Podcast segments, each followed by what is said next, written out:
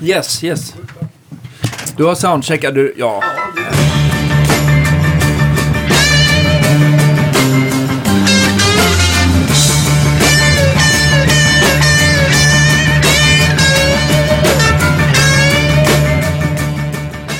Ja, jag är redo. Ja. Ja. Mm. Eh, Välkomna till eh, Guitar Geeks podcast. Mina damer och herrar, det är dags eh, att eh, köra veckans avsnitt och idag har vi med oss en riktig gitarrnörd och eh, extremt intresserad och begåvad eh, kille som heter Fredrik Heghammar.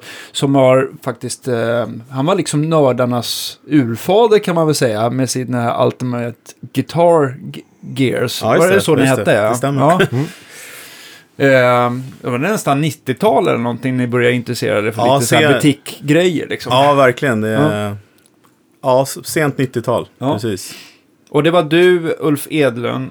Och Anders Bergdahl. Okej. Ja. Och vem var nördigast av er tre? Var det någon så här som ni liksom så här fick, fick uh, gåshud över när den andra började prata eller? ja, men Uffe är nördigast. Ja, Ni Uffe. måste ju ha med Uffe också. ja, Ja, absolut, definitivt. absolut. Så jag ska hålla på vissa stories här idag när vi pratar. Men uh, Uffe är ju uh, snäppet värre.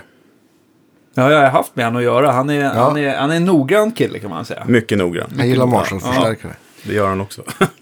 Eh, Så vi ska väl prata lite om eh, allt möjligt. Men du har ju också tagit med dig en förstärkare som du har eh, utvecklat tillsammans med Ola Insulander. ja, precis. Som vi också ska ha med i podden så småningom. Så Ja, beware. det tycker jag verkligen. Där finns det outtömlig med kunskap att hämta. Ja, oh ja. Eh, ja, precis. Vi har utvecklat den här tillsammans. Uh, Insulander Amplification. Ehm, När, när kom ni på det här? ja, men eh, Ola har ju eh, lagat grejer till mig i uh, sen urminnes tider, tänkte jag säga. Ja, och varje, han, han har ju byggt mycket till sig själv. ja jag vet. Ja. Eh, och varje gång man är och tittar på Ola eh, när han spelar, så, för han är ju en fantastisk eh, gitarrist. Eh, och eh, har alltid ett bra sound. Ja, man kan, vad kan man säga om Ola? Jag tänker så här, äh, lite modern Texas rock blues. Ja, Ja, Eller- precis. ja, ja lite- och lite väldigt smakfullt med så här, lite countryinslag här och där just Och lite nu. Robin Ford kanske också. Ja, det vet jag Ja, inte. men Men, jag, jag, tänker, jag tänker så här en korsning mellan Gibbons och Stevie Ray lite grann. Och Jimmy Vaughan i någon härlig hopkokt röra. Yeah. ja, nej, men vill det jag gå tycker på jag. konsert direkt. Ja. Ja, nej men han har bra dynamik i anslag och han har ju byggt pedaler ganska länge nu och eh, jag eh, eh, har ju hållit på och fuskat med i webbranschen så jag byggde ju hans webbsida då. Det var, var ju så vårt samarbete började lite grann. Ja. Med hans eh, pedaler och sen så är vi goda vänner och varje gång jag är där så säger jag Ola, ska vi inte, ska vi inte ta tag i det där? Eh, och så blev det så att jag... eh, Du tog tag i det. Ja, men precis. Jag hade tid. Jag eh, slutade på ett jobb och Mm. sa nu ska jag ta tag i de där grejerna som jag inte har gjort. Och bland annat det där. Mm. Så att, Va, kom du med en så här, med en, med en så här öns- önskelista höll jag på att säga. Så här, ja, men jag vill att det ska vara en sån här. Eller bollade ni tillsammans? Eller hur kom Nej, men vi bollade till- fram det. Vi utgick ifrån den förstärkaren han hade sedan länge som han hade byggt. Just det. Ehm, och sa, jag gillade den väldigt mycket och jag märkte liksom, eh, jag har ju väldigt mycket förstärkare som, Ja. som ni vet. Och har haft förmånen att testa väldigt mycket och så. Det är någonting magiskt med den där. Och varje, gång- så vet när det fastnar i huvudet. Och man var, varje kommer dit varje gång, kan, kan jag få testa den igen? typ. Ja. Ehm, så att eh, utifrån den har vi liksom diskuterat. Till, det var till exempel en 210. Okej. Eh, och det är också sådana grejer att jag är jäkligt ovan med 210. Jag tycker det låter fantastiskt. Men så är det så här, om vi ska bygga en kommersiell produkt, vill folk ha 210? Lite sådana diskussioner har vi haft också. Eh, så då har vi liksom eh, labbat utifrån det. Vad, vad, det här är man får ju tänka också, det här är en produkt som vi älskar. Det kanske inte är för alla. Och det, är och det är den smällen vi... Ja, precis. Men vi har sagt det. Vi utgår från det. Att vi ska göra en modell som vi gillar. Eh, och den är nästan klar. Kul. Ja, men, jag, men, jag tycker ju någonstans om man inte har horribelt eh, taskig smak. Jag kan tyvärr, eh, utan att nämna några, men man tänker på de här som ska liksom eh, lansera sitt eget elgitarrmärke. Och sen så bygger de någon ny, de vill ju uppfinna lite hjulet på nytt Mm. och så, så blir det någon konstig form sådär. Och nu är det vissa som har lyckats så här, som, som till exempel Strandberg och, och Ja, verkligen. Till TLL här. Och, och så, som Reverend har liksom, jag. ja, precis som en Reverend. Och så här som har lyckats att få, även om det påminner om andra gitarrer så känns det som de ändå har hittat ett eget formspråk. Så där. Men vissa är ju sådär, de, är, de gör det de älskar men det, är liksom, det kommer inte sälja på grund av att det blir för, det blir för skruvat. på något Ja, absolut. Eran stärkare, den är ju bara... Alltså man, får ju en, får en... Får ju svettningar och rysningar bara man tittar på den. Man, det är liksom en 112 kombo klädd i blond Tolex med, med lite så här Fender guld, eh, guldat Mm. tyg. Vi kanske kan lägga upp en bild på Ja, den. men absolut. det här är Det- lite prototyp. Det är prototypen, den men är vi kan inte- jättegärna lägga upp den också. Det är, den är inte, jag tycker att den är jävligt snygg och jag tror faktiskt att om man inte... Om man liksom inte... Om, om man är ute efter en kombo och gillar lite så här femdigt sound så tror Ja. jag faktiskt 10 av 10 kommer tycka att den är snygg. Ja. Ja, Eh, absolut, och, och sen har vi det där med Fender Sound också. Vi har ju liksom tittat på eh, bristerna i den, det ljudet som vi alla älskar. Eh, och det är framförallt midden har vi jobbat jättemycket på Ja. i den här. Och sen sitter det ju då ett Alnico Cream. Eh, som är 90 watts Just det. element. Som har liksom lite Från, vox. Cele från Celestion. Celestion, förlåt. Ja. Absolut. Eh, eh, som har lite vox-karaktär på toppen. Ja. Och det är, det är inte helt fel med eh, lite färme, eh, Fendervärme, eh, lite Marshall Mid och lite Vox-topp. Men det, den är intressant den här creambacken för som vi har pratat om hundra gånger förut känns det som. Vi tar ju väl nästan upp det i varje avsnitt. Nej, men, Hög, högtalarna. ja, Nej men det måste Jo, men det är Ja, viktigt. det gör vi ju Att, definitivt. att det, gör, det gör ju kopiöst mycket större skillnad än, än vilken, vilken eh, tillverkare av slutstegsrör eller vilken Ja, gitarrkabel du har. Eller Ja. även vilka mickar du har i din stratta. i, eh, Om man nu inte Verkligen. jämför typ hot rails med standardstratter. Men det gör väldigt stor skillnad för soundet med vilka högtalare. Absolut, och man, vi kommer väl in lite på eh, resan eh, sen tänker jag. Men vad det gäller det så är det är så himla lätt. Alltså jag, när jag började köpa musikprylar var jag var väl 15 år. Liksom, då, man lyssnar så mycket på andra. Mm. Eh, och det i mitt fall har ju varit livsfarligt genom åren. För att när jag väl tog mig liksom, till exempel första gången jag tes- testade ett EV-element. Mm. Då var det så här, varför har jag inte gjort det här förut? Och det vet jag varför, för att alla andra sa du ska ha 25 watts greenbacks. En 412 Nej, det skulle jag inte alls ha. Jag skulle ha en, visst. ett E EV12L med i en eh, sluten entalllåda. Ja. Då blir du glad. Då blev jag glad Ja. eh, då, på den tiden. Och EV-elementet låter ju absolut inte som en Celestion utan det är ganska, det är ganska stift. Ja. Och jag tror att många upplever lite grann så här att det är lite så här PA-kliniskt. Att det, Ja. det, har, det färgar, eller det, liksom, det styr inte över. Eller Nej, men det vill säga att man har en bra förstärkare tycker jag. Ja. Eh, eller, eller, en- ja, och en, helst en bra gitarr också.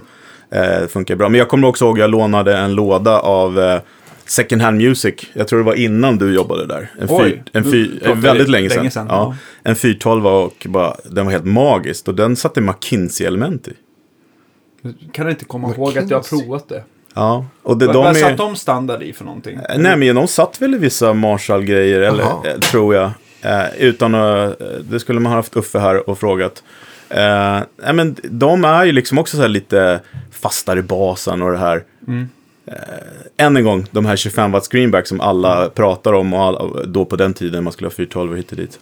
Det var ju någonting fluffigt med dem som man inte gillar, inte jag i alla fall. Ja. Eh, som eh, nu alla de här nya modellerna och, mm, som är lite mer effekttåliga och sånt inte eh, eller- av, liksom. lider av. Precis. Men då fanns det inte lika mycket att välja på. Eh, men just de här McKinsey kommer jag ihåg att jag var så förvånad. Oj, vad, vad, det här är en magisk låda. Och så var det liksom de elementen. Okej. Sims Watts-element likadant. Ha- Var också väldigt bra. Ja.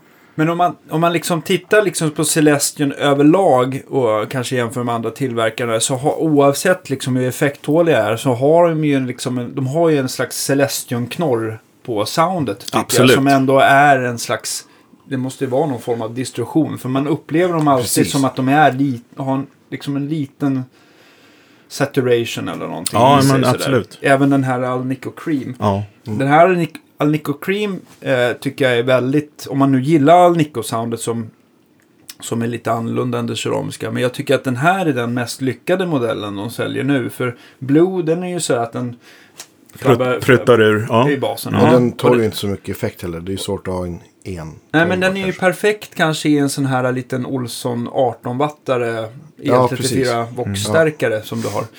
Eller en, kanske en 212 Vox på 30 watt eller någonting sånt där. och blandning med, med Men, en, en ett- greenback. är ju väldigt fint. Ja. Alla matchless-konceptet. Liksom. Precis. Men, men sen så har du ju också den här som heter Alnico Gold. Och den, den eh, har ju... Där har man ju tagit bort några problem från Blue då. Men den är lite hård tycker jag. Ja, jag håller med. Jag hade en eh, Tweed, eh, en 59 Tweed Superamp som jag satte i så- eh, 210 då. Ja. Eh, fantastisk ljud, men man kunde ju mörda folk med den. eh, Volymmässigt. Men eh, nu har jag en sån här Victoria Tweed Ja. också. Med en, som satt en, en Blue i. Ja. Som gick sönder när den fraktades hit tyvärr. Så då köpte jag utav Ola då en inspelad Gold. Ah, och det var, Det var en helt annan Jag, har femma. all, jag tror att jag aldrig orkat att spela Ja, in men den. jag ska ta med den hit, för det är... Bjurhäll hade en, en 412 med två Golds och två Classic Lead 80 som inspelades som lät jätte, jättebra. Ja, det är en stor skillnad faktiskt, eh, tycker jag. Den har kvar, de har, den har kvar liksom toppen och briljansen, men mycket eh, trevligare. Hur, hur skiljer sig eh, cream, den här uh, Alnico Cream mot Alnico Gold? Är Oh. creamen yt, ännu varmare? Eller? Ja, men alltså jag, jag personligen, det här är ju smak och tycke. Jag tycker det känns som att man har en, en Gold och en, en G12H 30-wattare Ja. ihop i Okej. samma. Ja, just det.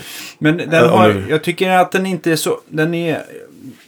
Min smak så upplevde jag som att den är liksom lite, den är lite stiffare och cleanare. Och den har inte riktigt den här vassheten som Golden har. Men eh, att jag upplevde den som... Alltså jag upplever en G12, eh, en, en sån här 30-wattare som att de kan vara lite aggressiva ibland. Alltså i mellanregistret. Men den här upplevde jag som att den var ganska, att det var ganska tillmötesgående. Alltså det, den, den hanterar, för att vara en Nico så hanterar den distar och overdrives väldigt bra. Snälla, Hur, den hur tidigt kom iväg. du på att ja, men jag vill ha en Alnico i?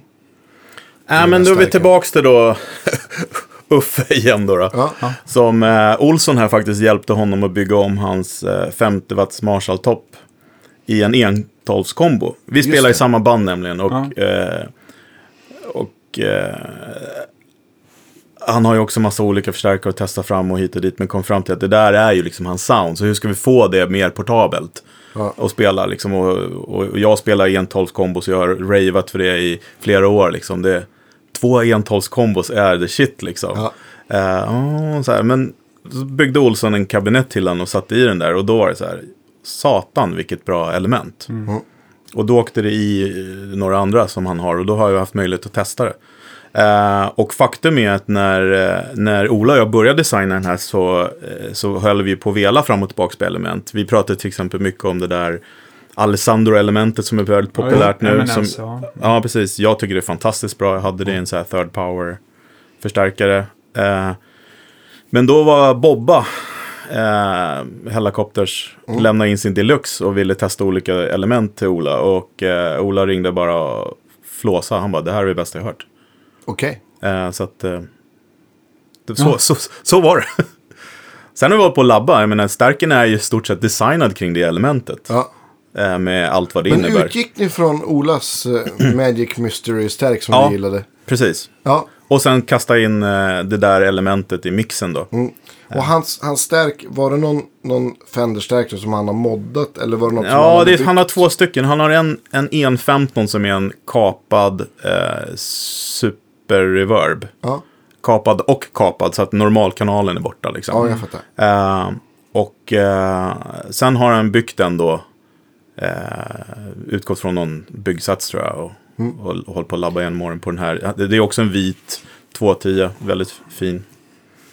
Men jag tänkte på kapad, alltså man, även om man har den här normalkanalen och inte använder den så är, bromsar den lite grann vad jag förstår va? Ja, jag, jag, Det- det, det var så härligt. Jag, någonting. ja, men jag lyssnade på, eh, också så här, jag, jag har ju en teknisk bakgrund, men jag har ju medvetet hållit mig borta från eh, musikelektronik, för det skulle, jag skulle explodera i huvudet.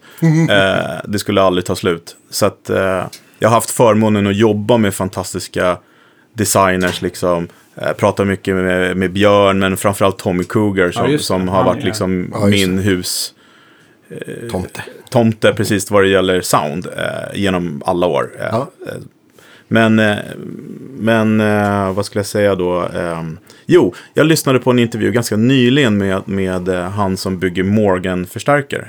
Vad han heter, Joe, heter han Joe Morgan? Han kanske heter Joe Jag har aldrig Morgan. provat stärkaren. Han gör ju pedaler som låter jävligt ballt. Tycker jag. Ja, men stärkarna, jag har testat några stycken och det finns många bra. Han har ju väldigt många modeller. Men han sa liksom så här att man måste tänka på en sak. Allting som man ad- adderar tar bort.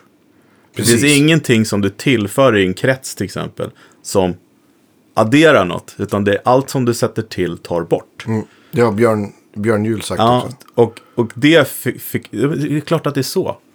Oavsett vad man sätter in, även om du tycker att nu får jag mer disk, ja men det tar bort något annat, så, så är det bara liksom.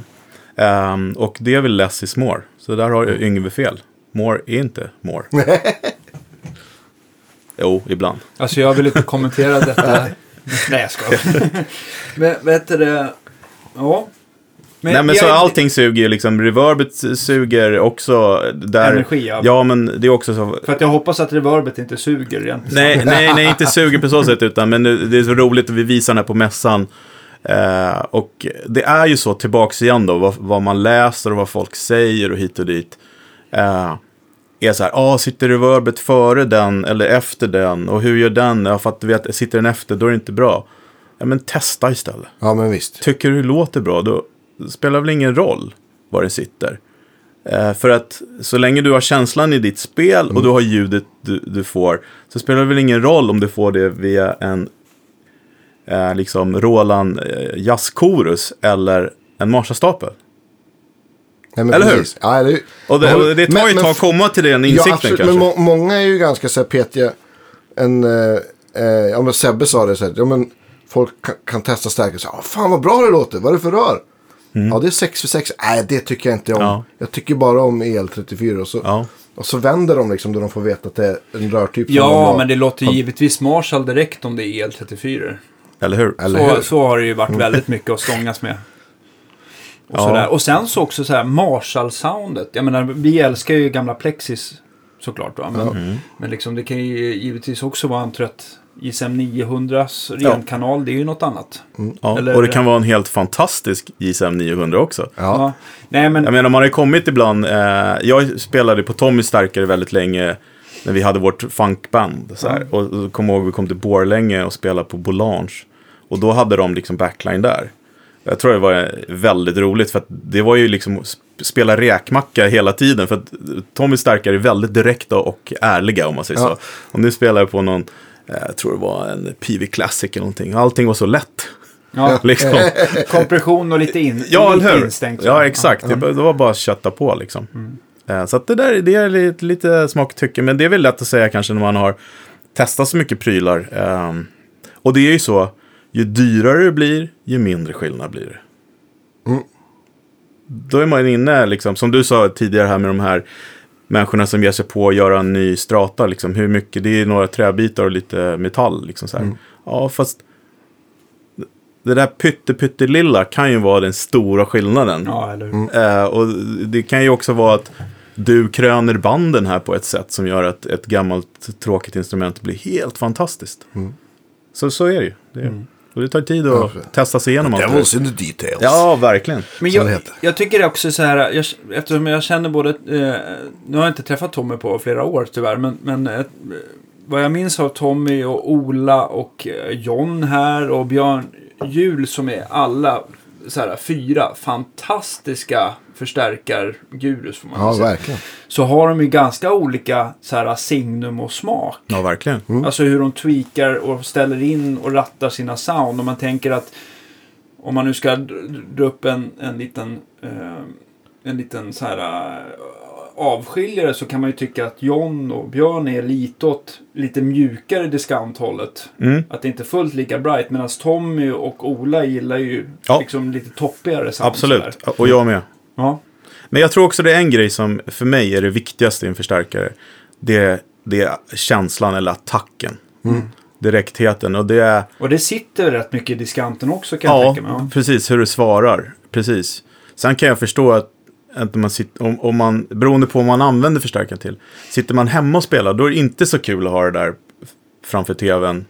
Det här 1-3, liksom. Utan då, eh, min, jag har en gammal deluxe, liksom. Den Mm. låter fantastiskt hemma. Men när jag spelar live så har den något som saknas, liksom. Då behöver jag liksom täcka upp den med en annan som är lite mer liksom, på sådär. Mm. Precis. Men soundet är ju fantastiskt. Mm. Och det är likadant, eh, apropå det där man säger hur, hur rör låter. Jag brukar säga, jag gillar inte att spela på EL84-förstärkare. Då menar jag Kompressionen. Vox-style stärkare. Mm. Precis, för att jag har, anslaget finns inte där. Sen har jag ju testat.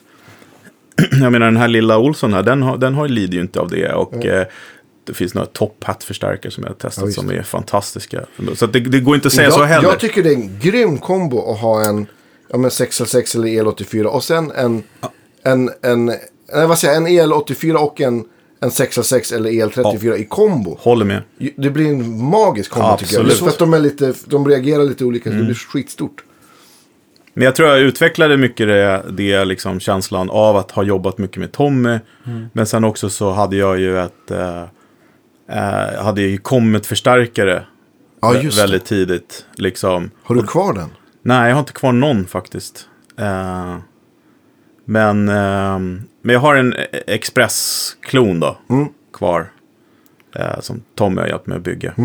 Tommy har ju byggt förstärkare, eller bygger förstärkare till Philip Says bland annat. Ja, Världsbluesartist för er som inte vet. Kolla Ja. upp om ni inte har hört Philip Says. ja. Ja, eh, han, har ju haft, han har ju haft lite olika namn på sina förstärkare. Men nu är det Custom by Cougar som, som man ska eventuellt gå Ja, absolut. efter. Custom by Cougar. Ja. Absolut. Eh, ja, men det var lite kul för att det där började på något sätt. eh, och också anledningen till att jag sitter här då. Det här, eh, liksom att man gillar grejer så mycket. Mm. Och, och mystiken kring det. Och jag tror precis, jag har ju lyssnat på, jag lyssnar ju slaviskt på er podcast. Ja. Tycker den är väldigt kul och Ja, bra. annars hade man ju inte kunnat få komma hit. Nej, Ja. precis. Nej, men också det här med att lära lär känna er lite grann. Och det där. Jag identifierar mig ganska mycket med dig, Danne, när du liksom har legat med dina kataloger. Och Mm. Ja. liksom, jag var ju likadan. Liksom, jag kunde ju få så här, åh, jag vill ha... Jag vill ha den här annonsen. Jag visste till och med vilken radannons i MM som jag liksom letade igenom gamla tidningar. Så jag kunde, jag kunde liksom allting. Och där var ju den här härliga, konstiga, tjocka mannen på bild ibland. Som hette Dumble. Just det. Och det var ju så här, vem är det? Det var ju liksom, fanns ju ingenting att läsa. Nej. Och sen vet jag att jag hade en, en Guitar World tror jag, där de hade liksom testat 100 watts förstärkare. Där var den med, bara inslängd som en vanlig stark. För då var ju på den tiden det inte var så speciellt. Nej. Och den fick skitdålig review av de som testade. Det var någon, någon annan eh, modernare stark då på 90-tal. Men, eh, och då började ju liksom eh, internet kom och började hålla på och kolla på de här grejerna liksom. Och då fick jag, det var en, en, en kille i Tokyo, en amerikan i Tokyo som hade en sida som var full med dumbbell-information. Och han spelade då på en förstärkare som heter Mystic Blues. Just det. Som var super, super hemligt. Mm. Eh, och eh, lyckades få tag på den e-mailadressen. Eh, och eh, la in en beställning. Eh, och då visade det då att Edelön också hade gjort det. Okej. Uffe. Eh, och då var det liksom, och då, han jobbade ju på Soundside då. Så att vi, vi kände inte varandra sådär mer än liksom hänga i butiken kände. Så det var ju liksom starten på vår vänskap också. Så jag har fått Ja, det, väldigt här måste, mycket. det här måste ju varit så här äh, mitten, slutet av 90-talet. Ja, slutet på 90 var det. Ja, ja. Så att då, då beställde jag en sån där. Det var ju väldigt mystiskt och jag blev kontaktad av Tommy Cougar då som jag hade träffat liksom i spelsvängen innan. Vi brukar spela på samma ställen och så här. Och Han gjorde sin Steve Ray-grej. En schysst snubbe liksom. Ja, han var nog mellanhand då, för att han höll ju det väldigt hemligt. Ja. Så att eh, det var inte han då som byggde Nej, dem, sa han. Men, men det visade sig vara det sen då. då. Eh, och det var starten också på en, på en, eh, en lång vänskap. Jo, men jag kommer ihåg att Tommy var ju den som fick mig att börja gilla blues överhuvudtaget. Eller med en av anledningarna att börja Okej. spela det. Han, han, jag kommer ihåg fortfarande att han sa så här bara. Danne, om du ska liksom få göra det du verkligen vill, då måste du lära dig att sjunga. Mm. Så det var mycket tack vare honom. Ja. Att det, har, eh, man har fått ut och lira mycket sen. Men jag kommer ihåg att han var och lyssnade på en av mina första bluesspelningar. Jag tror jag spelade på Jag tror det hette Mercury Bluesband och vi spelade någonstans vid... eh, eh, ja, inne i city i alla fall. Tre backar kanske? Nej, det var Nej. inte det. Utan det här var på... vad heter det här... um, det här um, om man fortsätter Vasagatan förbi Kungsgatan så kommer man ju till en eh, stor rondell där vid Clarion ligger Waterfall. Norra Bantorget? Norra Bantorget, där Ja. fanns det ett ställe som hette Holger. Ja, just det. Då, i alla fall. Ja. Ja, ja. Där spelade vi i alla fall. Och han, då hade jag en sån här, jag hade en, en uh, Laney VH, eller V50, den här dyraste. Toppen. Nej, kombon var det. Kombon, 212. jaha, okej. Han bara, för fan, det här låter så jävla dåligt. Och jag själv hade jag ingen koll. Jag hade min Tube Screamer att koppla in och tyckte att det sjöng liksom. Han bara, jag måste bygga en riktig stärkare. till Ja. Och sen var det på den vägen här. Så han gjorde en du- han, by- vad byggde han då? då? han byggde en... Nu kommer jag inte ihåg, men han byggde en jättefin. eh, jag önskar att jag hade haft råd att köpa tillbaka den. För den var, Hannes var förbi med den och eh, ville sälja den, men jag hade inte råd. Men det var en... Eh, påminner ganska mycket om den här. Den var nog lite högre än, än, eh, än eh, eran Insulander-förstärkare. Men den var, den, var så här, den var nog som en blandning mellan en Gibson och en en, en 12 Gibson utan reverb. Det fanns tremolo. Eh, det var en blandning mellan en GA 40 och en Deluxe. Ja. Den eh, med tärningarna på. Ja, precis. Och Ja. den är så här... Den har ju jag nu. Du har den.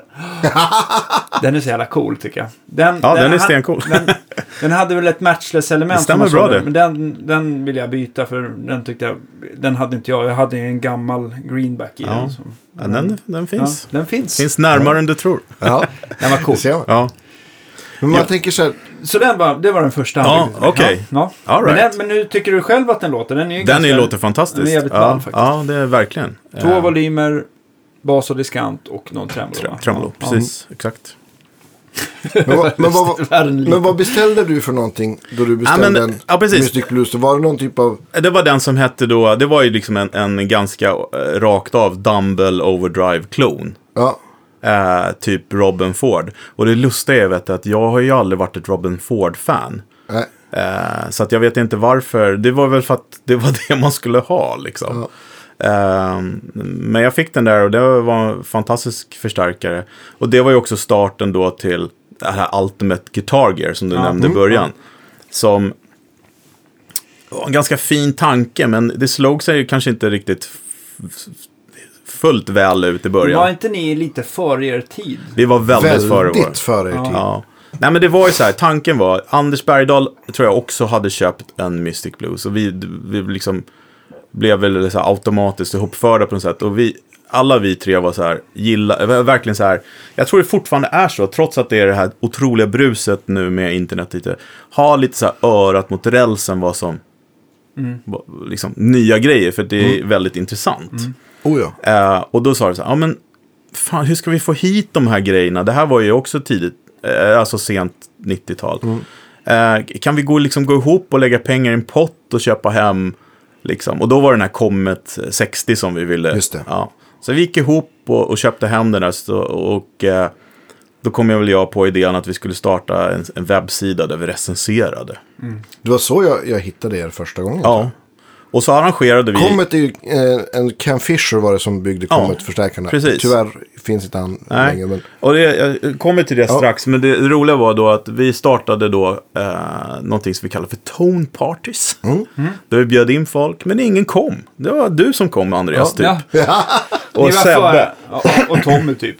Nej, han var inte med, för han ville liksom vara lite anonym då. Ah, okay, okay. Men, men grejen var att på de här forumerna då som fanns, då tyckte folk att vi var så här förmer. Ni ska visa upp era grejer. Ja, men det var, tro, bara, det var väl, ni, ni, det blev lite för, ja, det var lite för mycket jante då. Ja, men det var jättetrist, för hela idén var ju att det inte skulle vara det, Ja. utan att vi skulle verkligen dela med oss och vi skulle liksom gå Folk ihop. skulle få och- testa Ja, saker för det som- fanns ja. ju inte liksom, jag menar, kolla på en normal sökning på musikgrej på Blocket nu, det är helt fantastiskt Ja, ja. utbud.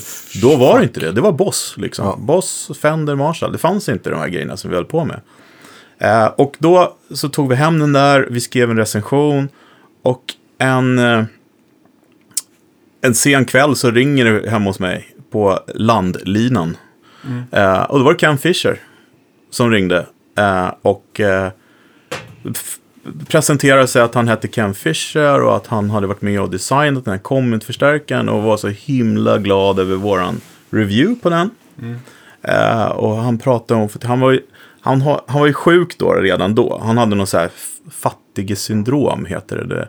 Utmattningssyndrom helt enkelt. Vilket då satte sig på immunförsvaret. Så att eh, han dog ju av att han fick tandvärk liksom. Så, så svag var han liksom. Nej men så det, det utvecklades väl en relation mellan han och mig. Han ringde på kvällarna. Eh, han var ju lite vimsig på slutet så han sa ju samma sak. Jag kunde lägga från luren och gå och titta på tv en stund. Och kom tillbaka så han pratade fortfarande liksom. Eh, och han började skriva då på våran webbsida. Eh, och då gjorde han ju det på maskin för att eh, internet, det var ju eh, government övervakat liksom. Så att det, det var något, något, något eh, läskigt. Så han skickade brev till mig och skickade med bilder, så här polaroidbilder och affischer så här, från Trainwreck Games. Så att jag, då var jag ju väldigt inne på det här, Trainwreck liksom. Beskriv Trainwreck-soundet. Ja, men Trainwreck-soundet, det är liksom... Eh, ja, jag gillar ju den modellen som heter Express. Det finns tre modeller. Det finns en som heter Rocket som är alltså, rakt av egentligen en AC30 fast fine-tunad liksom. Eh, och så finns det en som heter Liverpool som är en, en uh, alltså, ska säga, Plexi Marshall fast med el-84. Okej. Mm. Alltså en, eh, eller en AC30 som är tok-överstyrd liksom. Eh, och så finns det då en EL34-modell som heter Express. Som är som en eh, lite Marshall-sound, men, men eh, alltså, har man aldrig upplevt att spela på den så är det svårt. För det, alltså, den är så direkt så att den... Eh, Det blir läskigt. Ja, och den är liksom byggd i, i, i allting är liksom genomtänkt. Sätter det sig en fluga på den när den är på så låter det så här ding! Liksom, så känslig är den. Och den, det är körsbärskabinett på för att den ska svänga med och så. Alla de där grejerna som man avfärdar som myter, den är i den förstärkaren kan man säga. Okej, okej. Och sen så är liksom, det är ett sound och du går från kliniskt rent till liksom ganska ordentligt plexi-överstyrt, bara med volym. Och, och du ändrar inte, vo- volymen ändras inte. Det är liksom konstant. Du, Det är noll och sen så är det on. Det är bara hur mycket kompression liksom nästan. Ja, just det. Just det. Ja. Det är väldigt speciell. Eh, och, jag var ju helt inne i det, men den var, var ju redan då dyr. Alltså, För han, han, han byggde inte så många. Trainwreck-förstärkare. nej, det är ett hundratal kanske. Ja. Eh, kanske finns. Alla har namn också. Ja, Och bortsett från, bortsett från Dumble så måste man väl säga att Trainwreck är väl något av det mest så här, efter Ja. och... Eh, Mytomspunna. Ja, Jo, det, det, det, absolut. Och, men det hade en peak där också skulle jag säga. För att nu pratar inte så många om det. Nej, det är sant. Eh, och nu är väl Dumble tillbaka lite grann. Speciellt då de här, eh, jag tror Philip Says och eh, Dustin Francis och eh, Jesse J, vad heter Jesse, han som gör pedalerna? Eh, Davis. Jesse Davy. Eh, Davy. De, De här engelsk-britten, ja. ja, men liksom Och deras... John Mayer såklart. liksom. Ja, precis. Exakt. Så Dumble eh, känner jag lite uppsving igen sådär. men eh, nej, men de, är- de är väldigt unika. Och just den här... Så då vart jag väldigt inne på det. Eh, och i samma veva så började vi också skriva recensioner för FUS, gitarrtidningen. Eh, och istället för betalning då så sa vi så här, ja men vi vill åka till New York och åka på Ultrasound Rehearsal, om ni känner till det. Det ligger som 30 gatan, nej 23 gatan ligger faktiskt Finns på. inte längre. Ah, nej, Nej. Ja, fortsätt. han, han blamear Trump. Jag pratade med honom häromdagen. Ja, okej. Gene som har det där. Eh, men fall, det är studiokomplex och replokaler. Twisten är att i varje replokal så står det sådana här fantastiska grejer som du och jag, Danne, låg och läste om i våra tidningar. Ja, just det. Matchless, Victoria, eh, Comet, alltså det, värsta av det värsta står i varje replokal som Ja. du hyr på timme bara. Så vi kom dit som gitarrtidning och eh, han hade dukat upp ett smörgåsbord med Trainwreck-förstärkare, Dumble-förstärkare, Les Paul Vilken jul- 59, vilken julafton. 335, 59, 63 Strata, en så här fem, nej, 60-tals Rickenbacker 12 så här och, och liksom bara här, liksom testa. Ehm, Vilken dröm. ja, och då fick jag spela på, eh, på eh, Bill Gibbons gamla eh, Express då, eller, jag menar eh, Trainwreck Express. Och också en Tan Dumble, den heter Tan Dumble, den är för en blond och väldigt speciell. Också en Dumble med el-34. Ja. Eh, och jag har nog aldrig hört ett bättre Marshall-ljud än i den. Och de ska inte låta Marshall. Nej. Men den gjorde det. För den var byggd till någon. Då. Alla de, Man får tänka på det. Alla de här är ju liksom byggda till specifika människor. Precis. Men då började väl jakten där eh, på att jag skulle vilja ha en sån här Trainwreck-förstärkare. Så det slutade med att jag var tillbaka i New York en månad senare med en massa pengar på fickan. Eh, åkte ut till en kille i New Jersey som hade två stycken och satt där och testade och testade och testade. Och det här, de här djävulen och ängeln på axeln. Ska jag, ska jag inte, ska jag, ska Var det en jag inte? Express då eller? Det var det det inte var. För då, då hade jag nog köpt den. Utan det var två Leverpus. Det, grejen var Okej. att det gick inte att få tag på det här. Nej. Utan det var det jag fick tag på och tänkte liksom så här. Eh, Hur hittar du de här då? Nätet? Ebay eller? Forum? fasken hittade jag de här?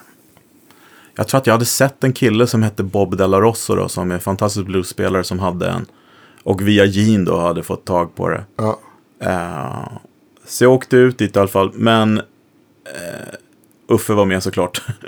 eh, men jag bestämde för Vilken, att... vilken, vilken, är, vilken, är han liksom den onda eller goda på din axel, Uffe? Vi, det växlar. Man kan alltid... Eh, ja, vi har ju den rollen mot varandra båda två. Ja. Eh, och vi, har, Vi vi, har också en deal att eh, om någon av oss eh, råkar gå bort så måste vi ringa till våra fruar och berätta vad vi har. Ja, Det, det är bra. Ja.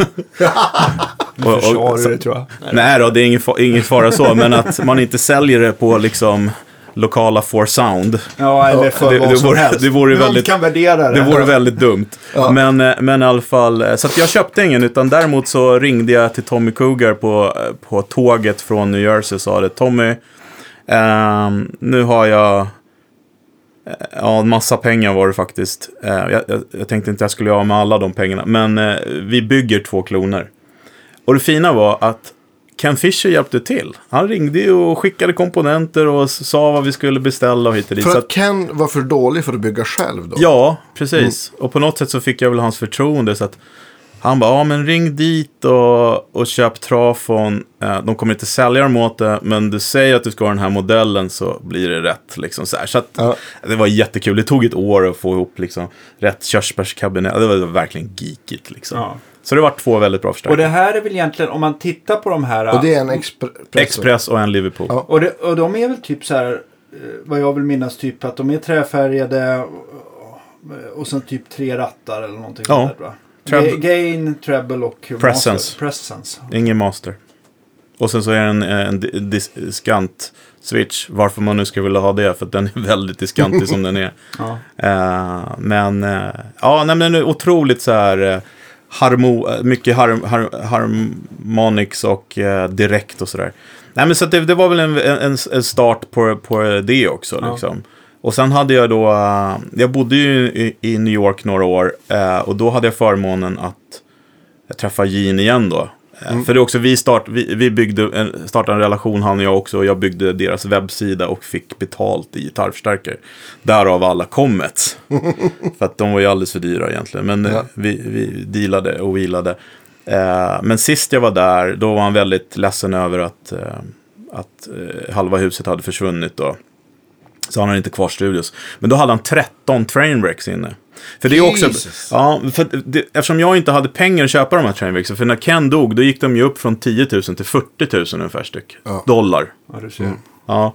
Eh, men jag hade ju häng på dem var de fanns. Så att jag, jag ringde runt och gjorde så att eh, Gene fick köpa dem. Ah. Ja, så att eh, vi hjälptes åt lite där. Och han sa det, ja om den här är liksom, när du får pengar så är det här din. Eh, tyvärr så höll han inte det löftet. Så att, eh, det var också Billy Gibbons andra eh, en, en Express som hade så här termithål i sig. De hade varit skadedjur i den som hade ätit. Ja. Den var skitcool. Men det var en asfaltsläggare som köpte 13 stycken. Oj. Det var, det var liksom, det var... Ja, Någon det var, jänkare eller? Ja, Jaha, man förstår. 13 stycken. han köpte alla 13 stycken och jag hade förmånen att få spela på alla 13 innan de gick iväg. Så det var kul. Asfaltsläggare, det är Mm. det man ska bli. Ja, och faktum är att det var så roligt den här Comet 60 som jag köpte. Just det. Den sålde ju du till en ja, asfaltsläggare. Också till en asfaltsläggare. Det var det jag satt och tänkte på. Ja, precis. Det är något med Comet-kretsar Ja, och asfaltsläggare. Exakt. Nej, men så att det, det var en jätte, jätte rolig resa liksom. Med, med, med det. Ja, shit. Men, men, men, men eh, om man tittar på de här 13 olika mm, Traindecksen, jag antar att det var olika modeller också. de Ja, det finns ju de där tre Men- modellerna Men, då. men, kändes det ändå som att, att de var individer eller kändes det som att de ändå höll en, en att de var väldigt lika Nej men varandra? ab- absolut, Eh, eh, de är individer, men de har ju en röd tråd. Ja. Men det var ju det som var så himla, himla härligt, att det här beslutet, att Tommy skulle hjälpa mig att bygga en, var 100% rätt beslut. För att eh, de är ju byggda till den som beställer den. Eh, så är det bara. Och om jag skulle köpa en som var byggd till Billy Gibbon så skulle jag inte sätta lödkolven i den. Nej. Eh, Nej, utan då skulle jag liksom få leva med hans ideal. Vad, vad känns som var typiska Billy i, Nej, men eh, den, den, var, den är li, var lite mer eh, gain, lite mera eh, muddig. I, i, i min smak då. Lite Fussigare. fussigare, lite muffligare. Lite mera JTM 45-aktig. Liksom, så här, ja. Eh, Superbass. Nu, nu har jag den här. Det här måste vi prata om. Ja. Eh, alltså, du har ju testat jättemycket. Eller du har testat, eller många i alla fall. Dumble-förstärkare. För, Ja. för det är också sådana grejer som folk säger. Ja men Dumble-ljudet. Men det är ju också. eh, De var ju också byggda till, eller, eller är, om Ja. han bygger fortfarande vet jag inte. Men till specifika personer utifrån deras spelsätt och önskemål. Ja.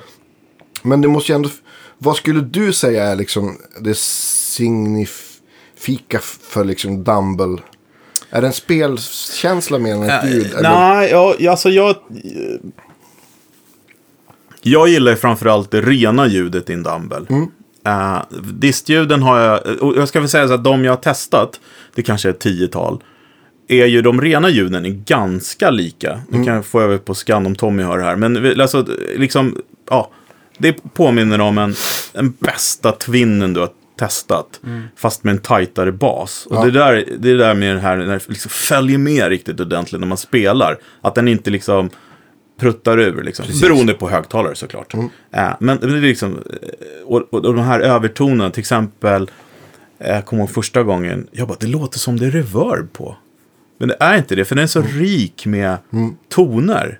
Jag kan inte riktigt förklara det, men Men sen är väl också att spelkänslan är väl lite annorlunda än när man jämför, om man jämför med en standard Twin i alla fall. ja, ja, ja, absolut. det- Men jag har haft, jag haft twinnar som Tommy och Modda till exempel, så att det går ju att få till dem också. Just det. Eh, att, att, och det, på jag dem, tycker att de känns, alltså den, jag har ju aldrig spelat på en riktig Dumble, men den typen av kretsar känns som att det är mer kompression på lägre volym. ja, Det är liksom, det är kompressionen av en Twin på volym 5, 6 ja, kanske. ja, precis. Oavsett volym. Eh, så det skulle jag vilja säga är sign, signumet liksom. Eh, och sen så låter det väldigt mycket vad du petar i den. Det, det är liksom förstärkarnas telecaster. Eh, och sen så distkanalen då tycker jag, där har jag hört allt ifrån, som jag sa den här Tandumble, det var liksom bästa Marshall-ljudet du nå- någonsin hört. Det var El34, den också i och för sig då.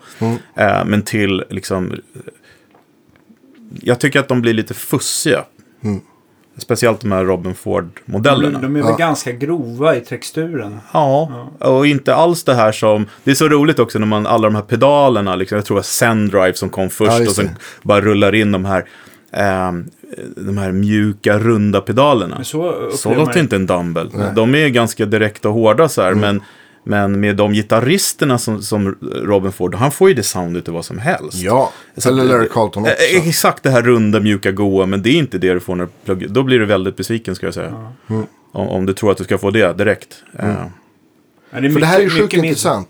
För folk, folk köper liksom Dumble-pedaler som, med, med, som inte låter som förstärkaren egentligen gör. Utan är...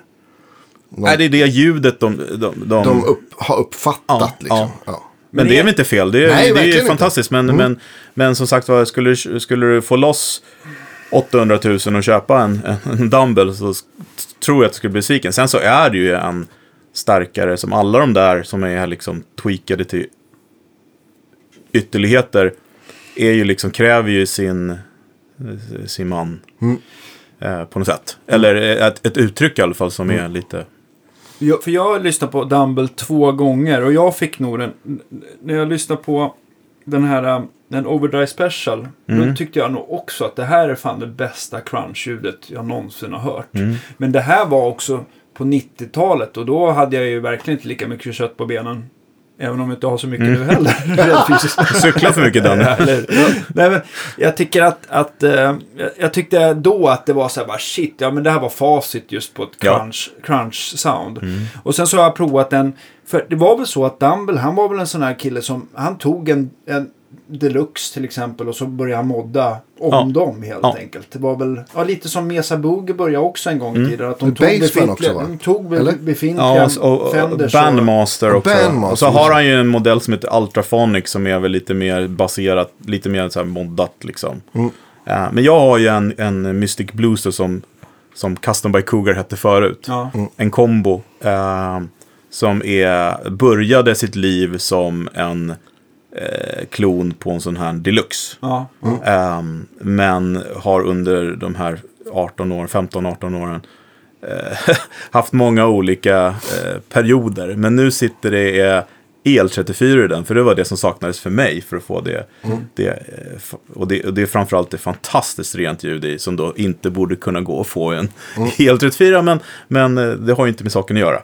Eh, men den ligger på 25 watt med 234 i, liksom. Så att, ehm, Nej, Tom är geni, liksom. Om, om, om, man, om man gillar den, eh, den, den grejen, liksom. Ja, Tror du att han- skulle vilja vara med?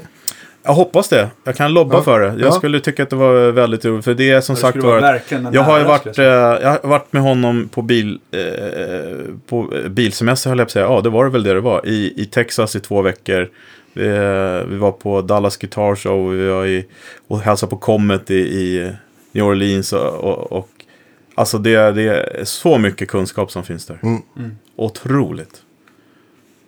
Mycket. Ja, att, det eh, vore kul att prata med honom om allt det. Och sen också om liksom, Steve Ray-grejen. har jag. ja, verkligen. Ja, och framförallt, han var ju lika... Eh, när jag lärde känna Tom slutet av 90, då var det ju sådär att han hade ju liksom nästan ledsnat på den här Stevie Ray-grejen. Och då blev det liksom, då blev det ett lappkast och då körde han Hound Dog Taylor fullt ut. Just det, Och precis. körde liksom så här gamla Teisco-gitarrer. Jag köpte ju den här gamla slide-gitarren av honom för 800 spänn. Mm. Och den har jag aldrig kunnat ersatt. Alltså jag har aldrig hittat någonting som Det låter finns så ingen, bra. ingen gitarr som du har spelat in så många gånger. Nej, Rent nej, nej. Den, ekonomiskt. ja, inte spela med live. Det är ju liksom... Det är Ja, men jag ju- menar rent gagemässigt så har du spelat in mer pengar på den Ja, här ja, du menar så. Ja. jämfört med vad den är värd.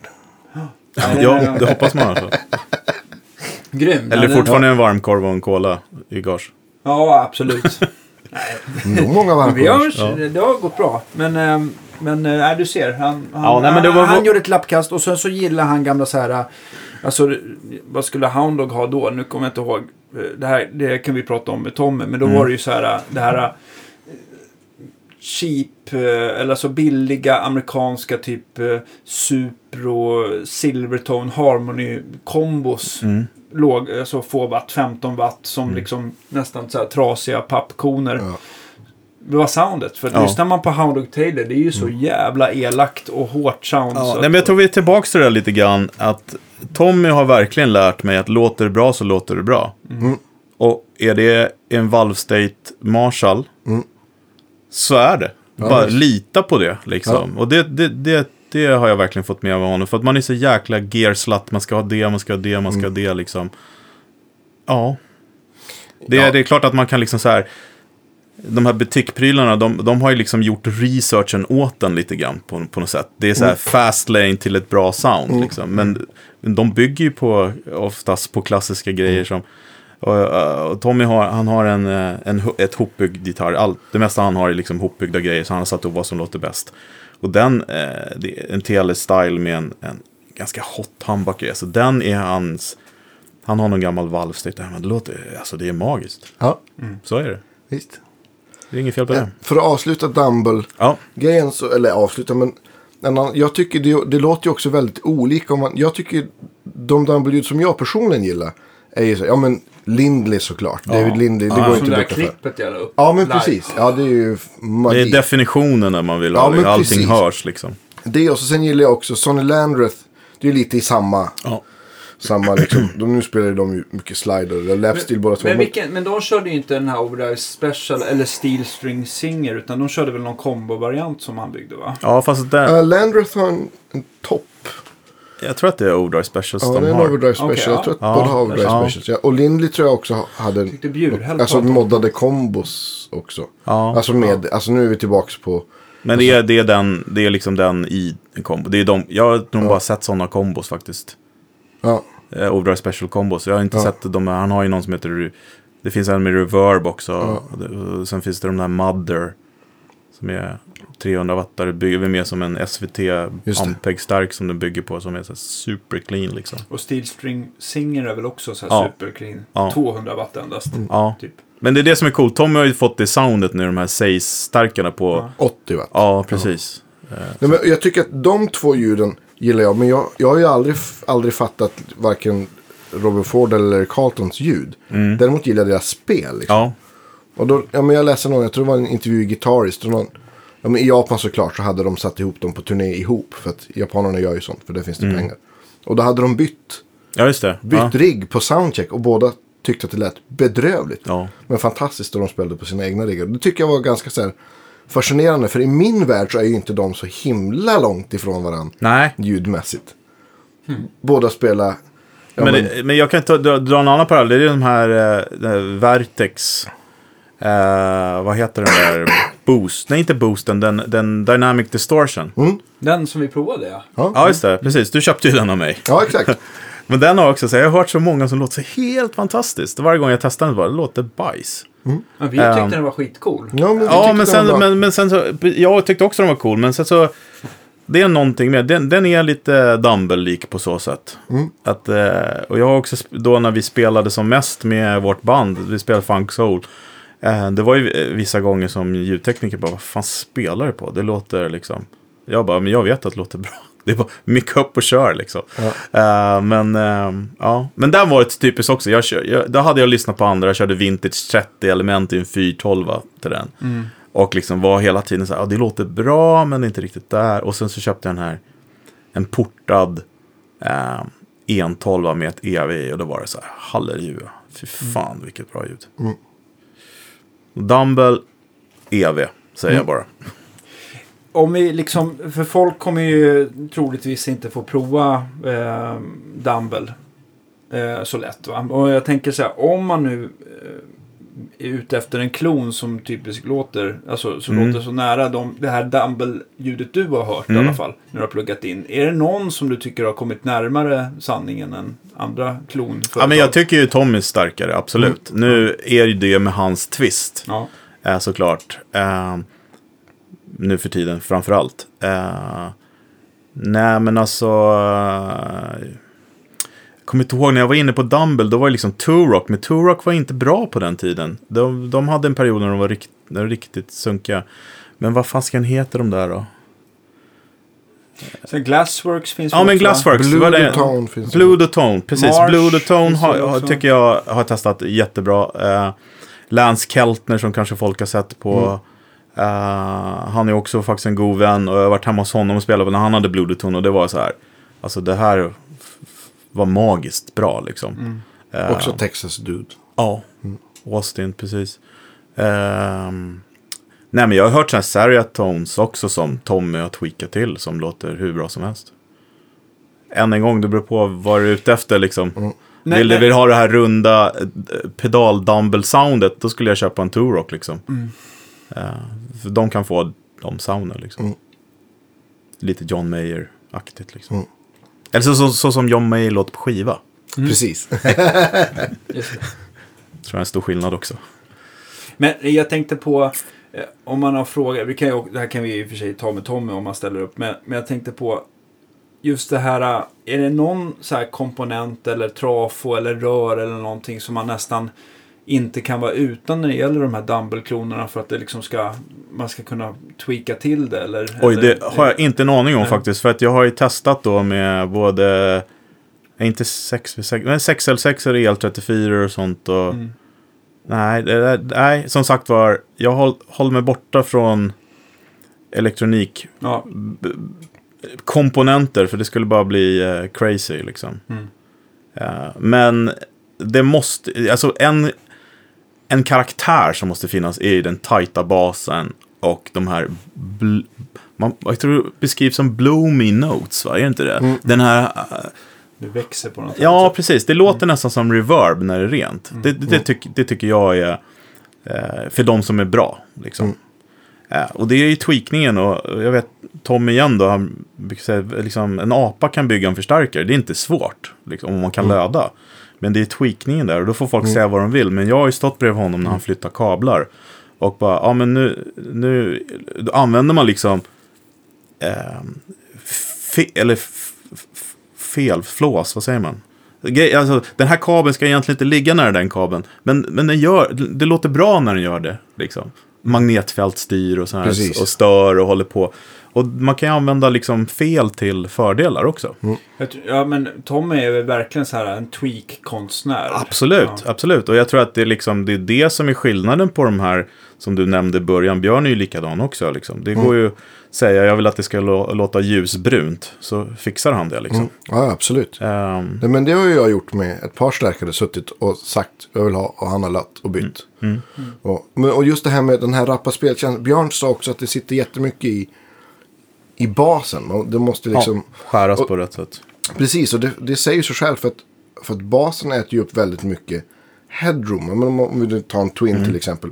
Så det är därför de in- inte kanske känns så rappa. För de har så himla mycket låg bas. Liksom.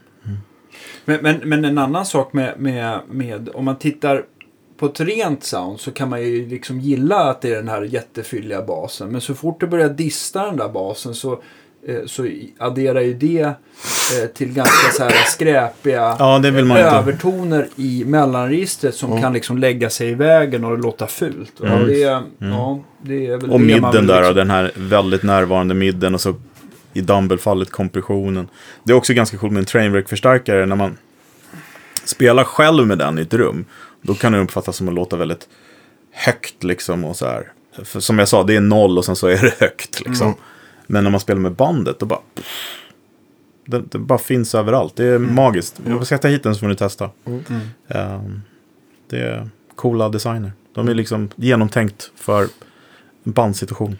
Och nu måste vi segla tillbaka på eh, ditt och Olas samarbete här också. Men, men ska man säga att ni har utgått från, från eh, en, eh, en, en av Olas förstärkare. Ja, Men eh, en 12 och sen så att den är två 6 och du pratar Nej, om 58. 58 precis. Som är lite rundare. De är lite Ja, mitt emellan. den har en liten annan, ja, precis, lite svagare, lite, det är en annan karaktär. Li, lite närmare. Ja. eh, Alltså 6 med EL34-krydda kanske man kan. Skulle man kunna säga. Ja. Ja. Jag har för mig att de, alltså man får ut, eh, jag tror att man får ut typ 23 watt per rör i max från en 5881 jämfört med en 606 du får ut typ 30 watt. Mm. Max om du, Och en EL84 med rätt, 25 i, rätt, eller? i, rätt, I rätt sammanhang med trafos och Ja. sånt där. Och jag tror att det, ja precis, de är mer lik EL34 Mm. som det. Men det är framförallt att du får inte den här stickiga toppen som Nej. vissa 606 kan ha. Precis. Ehm, och det är också roligt när vi stod på mässan nu och lanserade den. Vi fick ju väldigt, eller lanserade, demaren menar jag. Mm. Ehm, fick ju också väldigt bra eh, feedback från folk på den och det var jättekul. Ehm, men också det här, ja, vad är det för rör? För man vill veta, precis som du sa Danne, så här.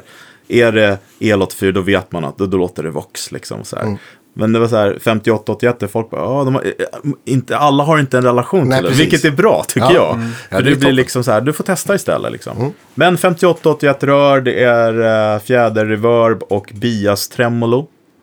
Just det. Eh, ingen master. Treble, mid, bas.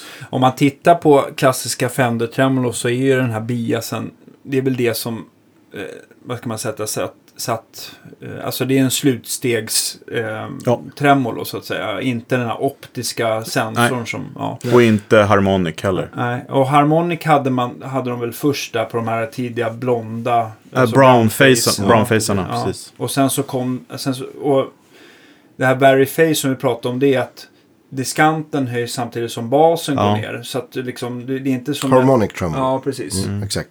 Eh, och det gör ju att du får nästan... Det blir inte som ett vibrato, men du får liksom som en liksom så här lite face... Ja men det blir mer, det blir, jag tycker det låter mer som en vibe liksom. Exakt. Och det är ju väldigt poppis nu. Eh, eh, Joe Landret och de här har ju liksom Precis. på något sätt, de säljer ju sådana pedaler som aldrig förr. Eh, och det är fantastiskt. Men vi, vi, tanken var först att vi skulle ha ett, ett Harmonic Tremolo i. Men eh, vi testade och diskuterade fram och kom fram till att ja, men jag tror, jag tror att det här vinner i längden. Ja, jag precis. Just användningsområde. För att det där, jag tror att det är en liten, eh, faktiskt en Fluga. liten fluga. Mm. Tror jag. Jag själv har det där på Ja, mitt ja. bord också. Ja, men du har det på din su Supro gör den där. Och framförallt den här som jag sålt Surf, också. eh, Surfy ja, Industries precis. har ju, har ju ett väldigt snyggt sånt. Men om man har, om man har en flint så kan man ratta fram det där. Ja, Det låter bra också tycker jag. Eh, men jag tror också om jag hade fått stå så här med kniven mot strupen och så här vilket tremor du vill ha så hade jag nog valt det Mm. som ni har nu. Och det som jag gillar med de här Tube, om, om det är bra gjort, det är att man får en att det är lite roligare att spela på rent. Ja. Man behöver inte vara liksom lika låst vid hastigheten. Nej. det är. Som ett så här optiskt, de brukar ju vara mycket så här Sen fick jag lära mig också ut, äh, att äh, det här med bias tremolo, det, det är ju också likadant där. Det har ju vissa begränsningar då, eftersom det är slutrören som... Mm. Och det, det som händer när den går ner, eh, och det har med hastigheten att göra, att om man vill ha ett tremolo som är väldigt långsamt, som vissa vill ha, så att det blir lite mer vibe-feeling på det, då ska man inte ha bias tremolo. För att när eh, när den går för sakta, då hör man distorsion i dalarna. För när rören får för lite ström, då Precis. distar de. Mm, just det.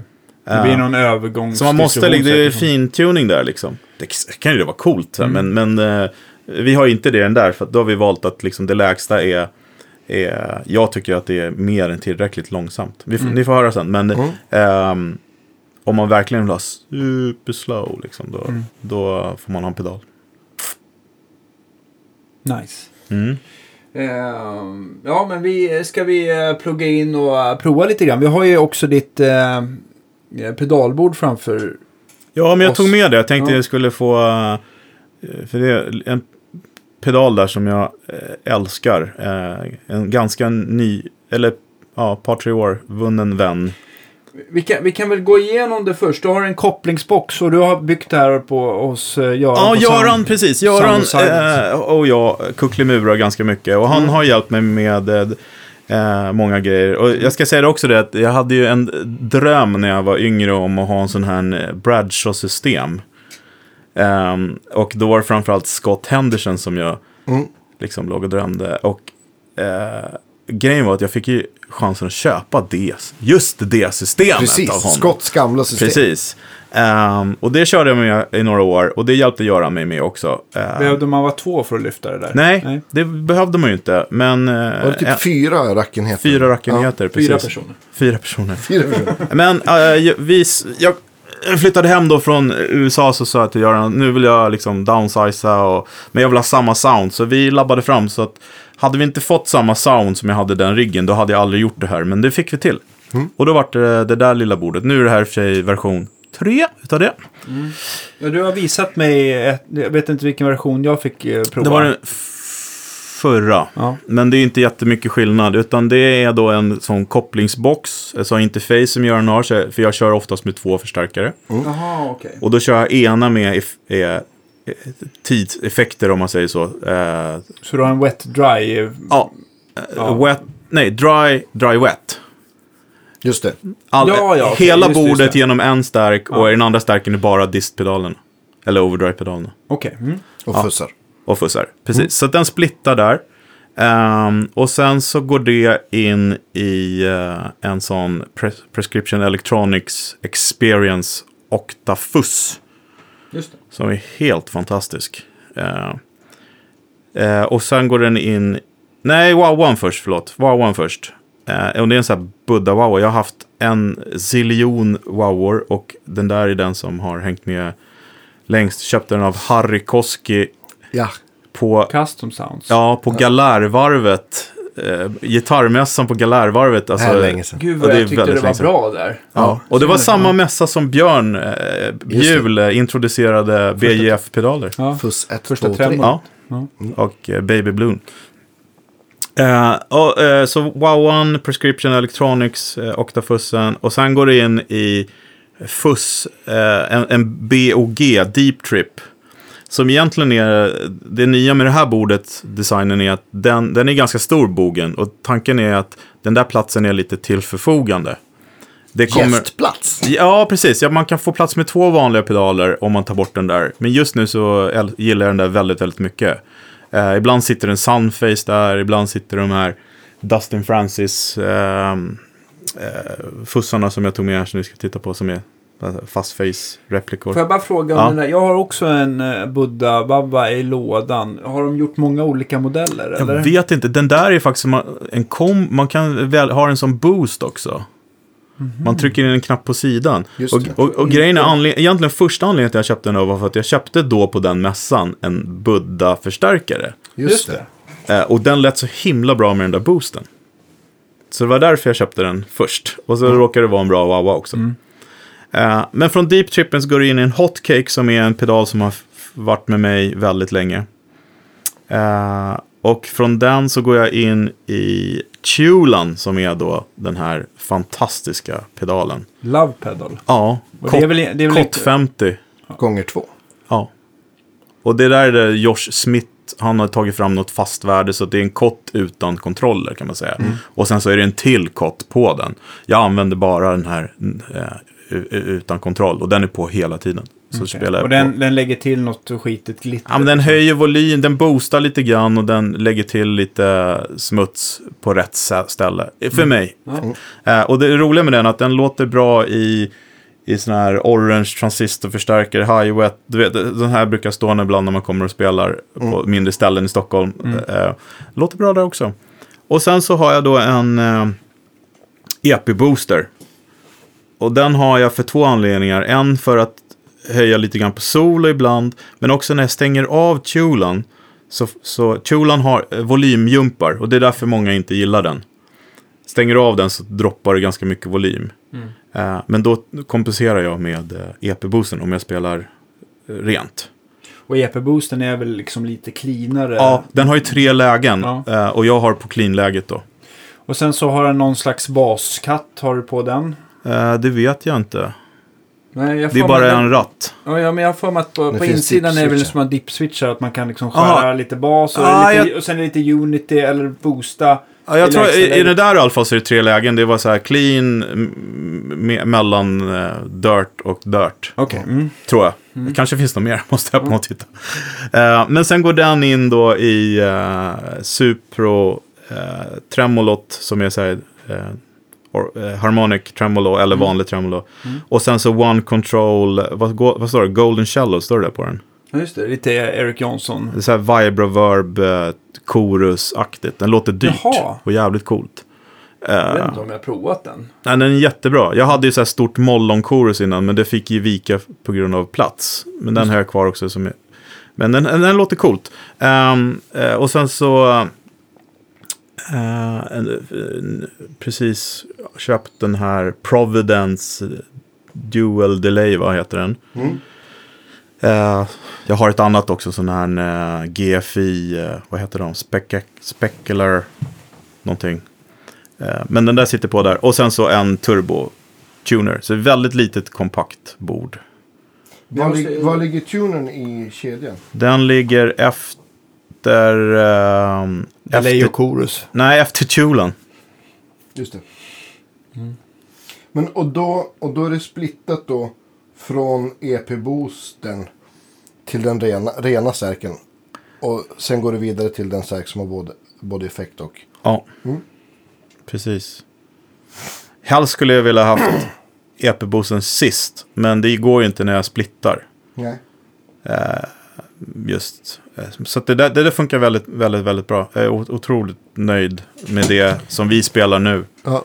Ehm, sen har jag ju en massa andra pedaler som man liksom kan laja med vid Ja, sid- en- sidan om. En, eh, en, eh, en fråga. Hotcaken var ju en, en ganska tidig sån här butik.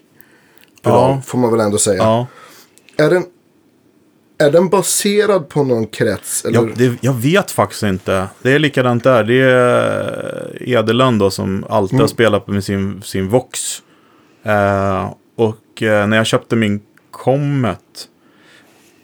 Då, det där, just den som jag har där, den heter Hot Cake. Eller Comet Cake heter den. Just det.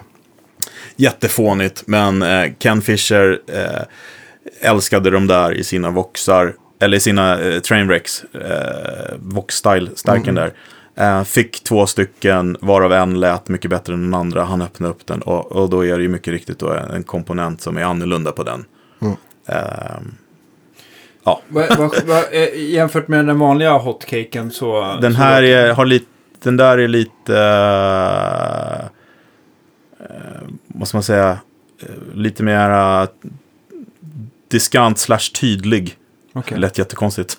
För den där, det- alltså hotcaken kan väl bli ganska aggressiv om man rattar den fel. Utan den är lite så här, äh, inte Precis. one trick pony, men den har inte... Den, Nej, jag skulle vilja säga liksom tvärtom, att den, den, har, den kan gå allt ifrån eh, Rent. rent till eh, fuss. Jo, men Mm. okej. Ja, för jag vill minnas när jag har provat hotcakes att jag tycker att den har liksom ett så här... äh, Att den har, man ställer in det på ett ställe där den verkligen mer kommer till sin rätt. När alla rattarna har varit lite mer så här äh, klockan 12. Ja. Precis? Uff, eh, precis. Jag ska inte prata om Uffe, han får göra det själv när han är här. Ja. Men eh, han har mera volym och mindre eh, dist än vad jag har. Och jag har väl lite tvärtom, för att jag matar ju den in i tulan. Eh, så att eh, den slår ju in i tulan och då blir det liksom eh, lite, komprimerar lite snyggare tycker jag. Just det. Eh, så som jag har det. Men nu, alltså jag tror att folk eh, brister av nyfikenhet hur det låter. Vill du spela lite Andreas? Vänta, Eller vem, eh, absolut. kanske är bättre att... Jag trycker stopp här så får vi... Ja, men gör det. Ja, nu har vi riggat upp eh, för fullt här med, med stärka och pedalbord. Hur börjar vi då? Ska vi börja med lite cleant kanske? Ja, men precis.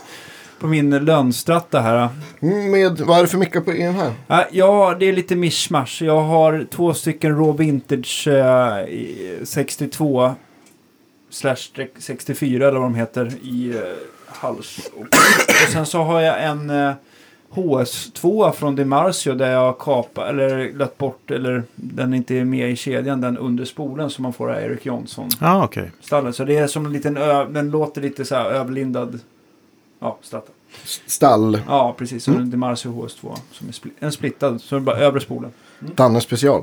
Och nu, nu har vi alltså rakt... Erik Johnson special skulle jag säga. Precis. Rakt in i, i stärk med kontrollerna ganska rakt upp va? Ja, mer eller mindre. Kanske lite mer diskant. Också pyttelite reverb på då. Ja. Ja, vi provar. Eh, Stall, stallmick.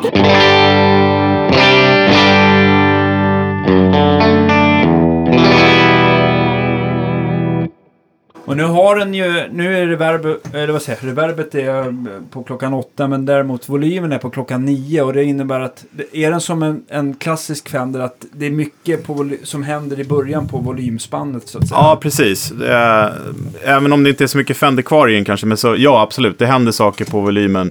Eh, men jag kan säga på den här nivån brukar jag eh, repa på. Liksom. Så det är ganska högt men ändå inte för högt så att Nej. säga. Mm. Ska vi lyssna på lite olika micklägen kanske? Ja, men gör. Stall. Jag spelar igenom. Mm. Mitt.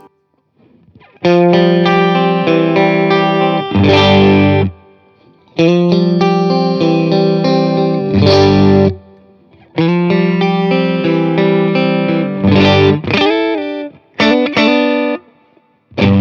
tillbaka till stallmicken nu och gör samma sak. Ah!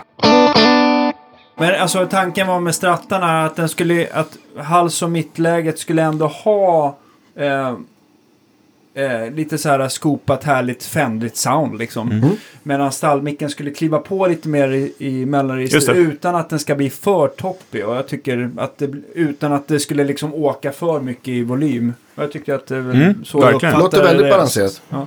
Det är en skitkul stärk för det, det, det påminner ju om mycket men det låter inte som något. Nej. Och ganska direkt känslan, eller hur? Vad Ja, tycker du? otroligt s- eh, snabb. Men är det inte så med all Nico också att man upplever dem som nästan lite så här snabbare Ja. än, än keramiska? Jo, det är också, men jag tror att det är framförallt midden också som når den. Ja. ganska... Men vi kan sätta på lite tremolo och höra också. Ja, Ja visst. absolut.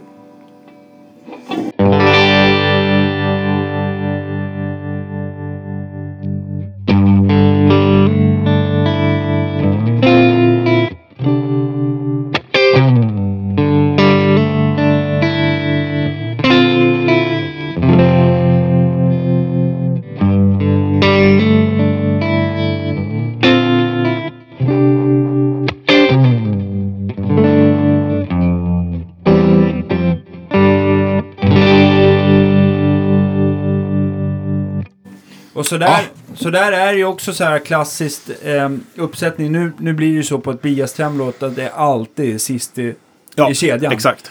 Och många kommer in med sina pedalbord och undrar hur de ska koppla. Så om man ska göra det så här klassiskt vis så har man alltid tremolot sist om man Ja. jämför med reverb eller delay. Eller nu Precis. Eh, tycker jag då Harmonic Tremolo funkar att ha tidigare. Absolut. Precis, Eh, absolut. För, för det, det, det, man, det blir lite mer vibe-feeling på det liksom. Jo, och sen så är det en annan sak eftersom ett vanligt tremolo har, det är ju liksom en slags eh, alltså volymmodulering. Så det, och den effekten suddas ju ut om du skulle haft ett reverb som svansar efteråt eller ett delay som håller uppe. Ja, exakt. Så då, Precis. då får, tappar du massa djup. Va? Men ett harmonic då är inte det lika känsligt. Kanske kan vara till och med snyggt att ha innan någonting som styr över. Mm. Eh, Så som jag spelar på den då, eh, är ju att, eller egentligen på alla förstärkare som jag kör med, är att jag har den här tulan då alltid på. Och nu är den ju rakt in då rent. Eh, Så vi kan ju kolla på den också, för att jag, det, det blir liksom något magiskt. Och så spelar jag liksom med volymkontroll på gitarren oftast. Eh, Jag sätter på den här.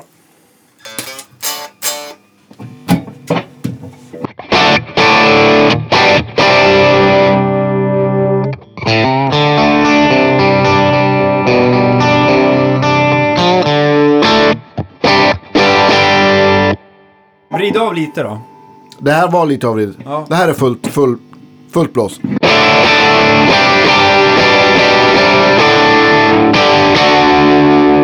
Om du vrider av tills det blir cleant då.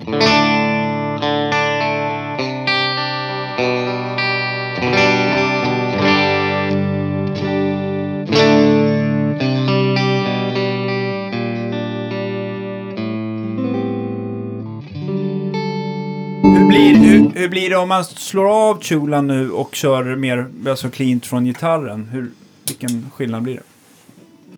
Ja, då får du vrida på på gitarren bara. Vrid på på gitarren. Chulan cleanar upp lite basen också. Ja, Och lägger till någon typ av, av skimmer. Precis, och jag ska säga det också att den, vi är nästan klara med den här. Det, det är en av de grejerna jag ska göra, är att det ska skäras lite mer i basen och reverbet ska tweakas lite till. Eh, och det har framförallt med att göra hur den låter när man liksom drar på den mycket. Men eh, som sagt jag använder ju så här och, och tanken också med formatet på den.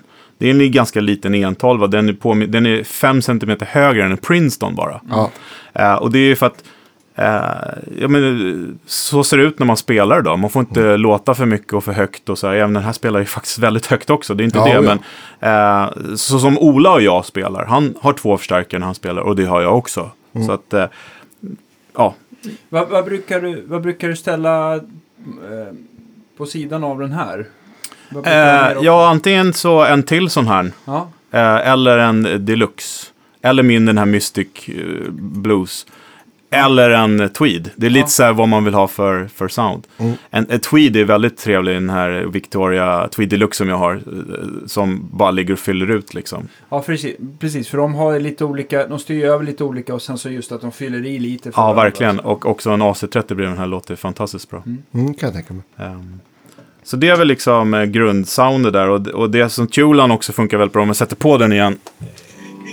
man spelar andra pedaler, till exempel hotcaken in i den liksom. Ja, just det.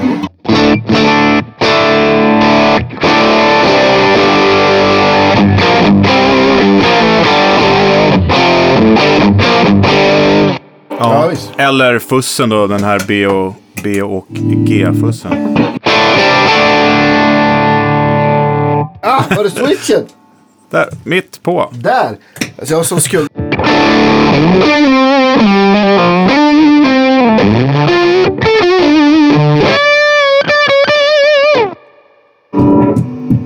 Astuff fuss. Ja, den är...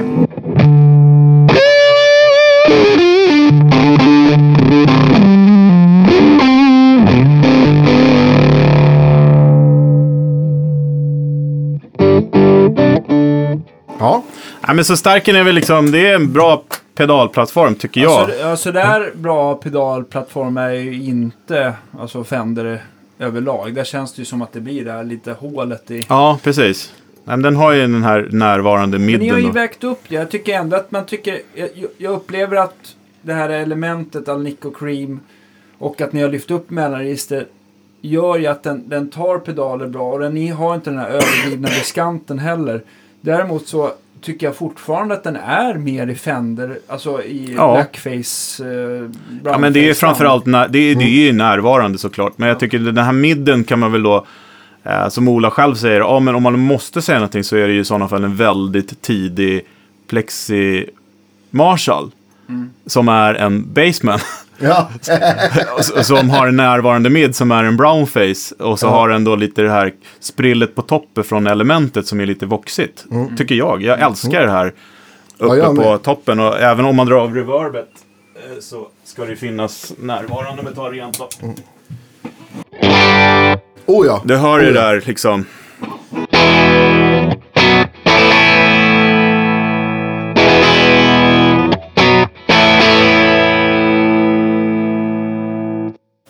Ja, Får jag bara eh, lyssna på, jag eh, kom över en, en Tube Screamer från 83. Mm. Med alla de rätta komponenterna. Det skulle vara bara väl, väldigt roligt att höra hur den låter i eh, sammanhanget. Ja. Absolut. Får jag rycka och koppla lite bara? do it. Kör den här då. Ja, vi kan ha den efter allting annat. Nu är bordet bypassat ändå. Ja, och köra, köra lite så här Steve Ray-tricket att man, man eh, har rätt mycket boost från volymen, lite drive och tonen någonstans eh, klockan ett. Det ska jag också säga att eh, nu spelar vi då med Bright Control-switchen på. Så den kan man också dra av. Ni har Bright ner lite fiffigt. Ja, men det är en prototyp. Den kommer vara upp sen, jag, jag lovar. Okej, spela lite då. Jag kan ju inte spela som Steve Ray Vaughan, men... Nej. Det är bara hur det känns med en Tube Screamer. Ja. Sådär.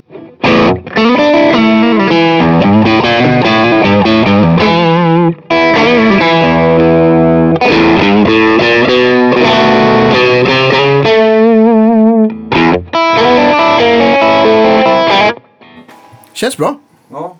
Eh, För jag tycker att även de här tidiga Tube Screamerna så kan de låta extremt olika. Och den här tycker jag var... Nu hör man ju att den har den här... eh, Man kanske skulle vilja backa lite på... Vänta, spela lite grann till.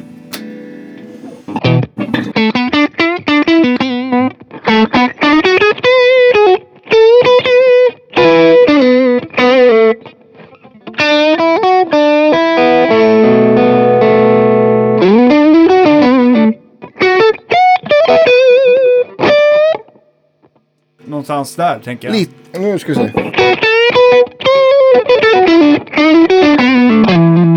Du har för tjocka strängar Danne, jag kan inte spela!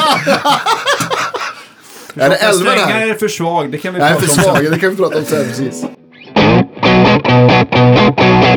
Ja, det här låter ju bra, jättebra. Ja. The, Holy Grail eh, av Screamer som nu gillade.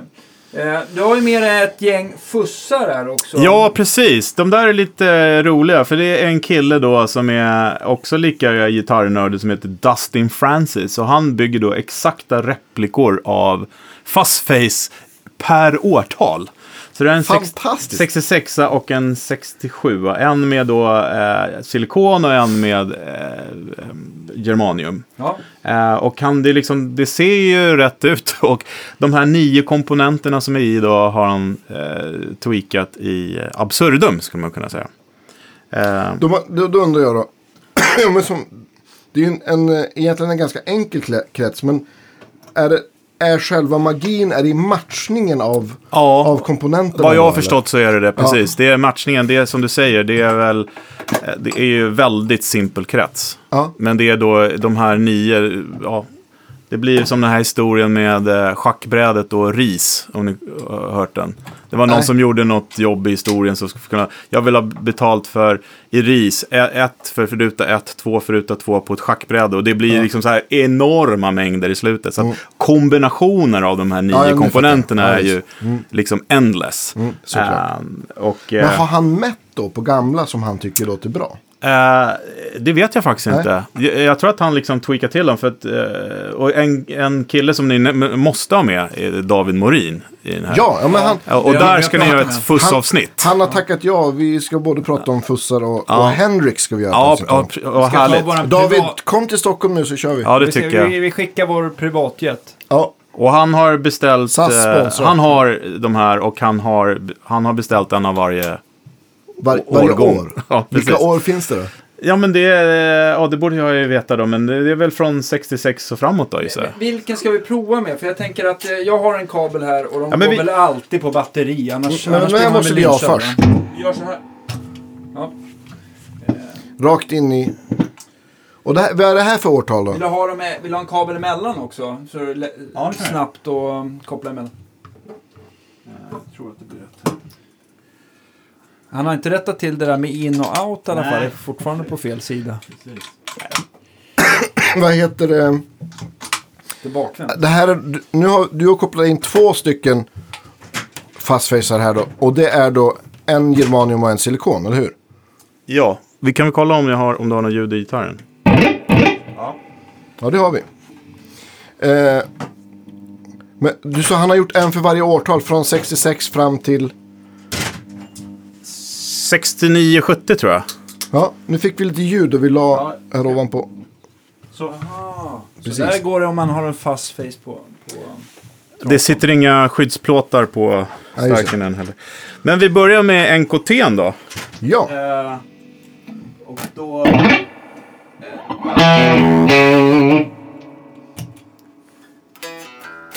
Ja, men då har vi nog kopplat om fel. ja vi kopplar dem fel. Ska vi se här, då blir det ju...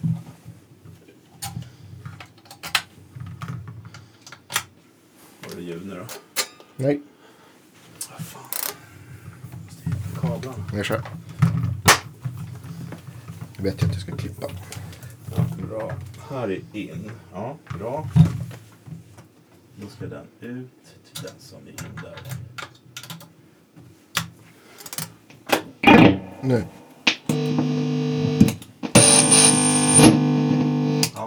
Visst. Ja, vi är tillbaks. Ska vi, ska vi vänta på Danne eller ska vi börja tjuvlåta? Vi tjuvlåter. Vi tjuvlåter. Ja. Här är då NKT-varianten. En, en, en fråga bara innan du slår på. Är, är fuss och volym allt på fullt nu? Eller, Ja, eller vad, vad, är den, näst, nästan. vad är den korrekta inställningen? Eh, smak och tycke. Det är nästan fullt. Nästan fullt. Ja, men sätt den som du Ja, gillar. ja, bra.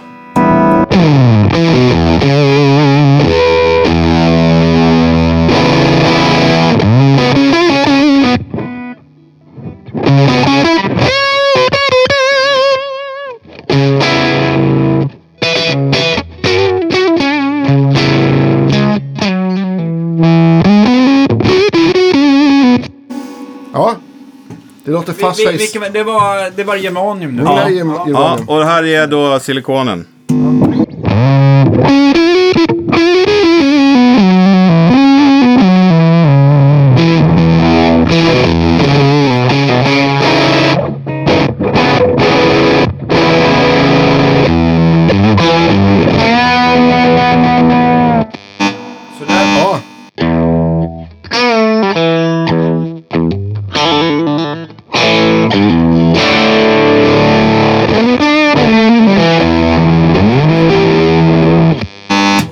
Precis. Yeah! Det är vintage oljud också i Ja, dem. fantastiskt. Men eh, så där brukar det ju inte en fuss låta genom en Fender-kombo i alla fall.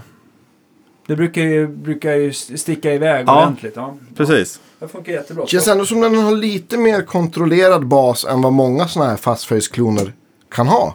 Tycker jag. I alla fall silikonvarianten. Ja, silikonen är min, min absoluta ja, favorit. den tycker jag också var Och den kommer ju skitkul med inbyggd radio också.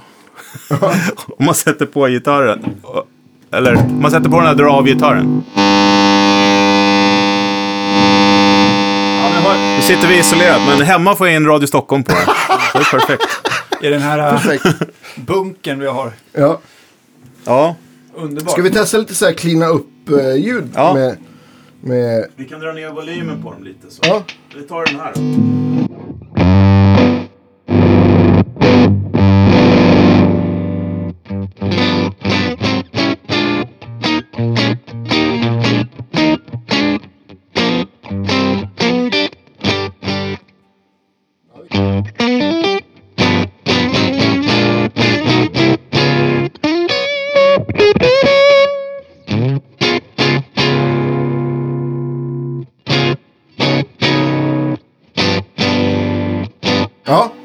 Och där, det var uh, Germinio. Uh, Germanium. Germanium, förlåt. Eh, och här är då silikon.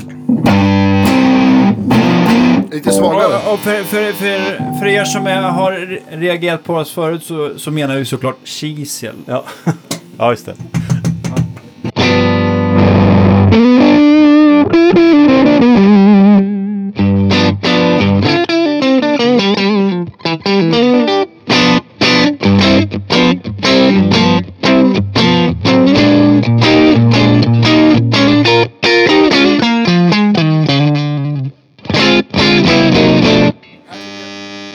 Låter fantastiskt bra. Ja, det, uppcleanings... Jag måste få prova. Jag är en, en eh, söndermoddad eh, eh, analog man low gain som inte har alls lika mycket. Det skulle bara vara roligt att slänga in den i, i kedjan och se hur, hur, hur illa den är i, i, i sammanhanget. De är ju jättebra alla Ja, analog band är- fussar så att... låter väldigt bra.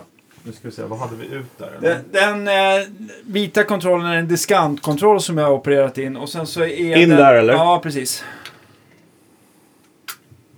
Nu. Se hur den står sig. Känner ni öronen? Ja. Det är inte så farligt.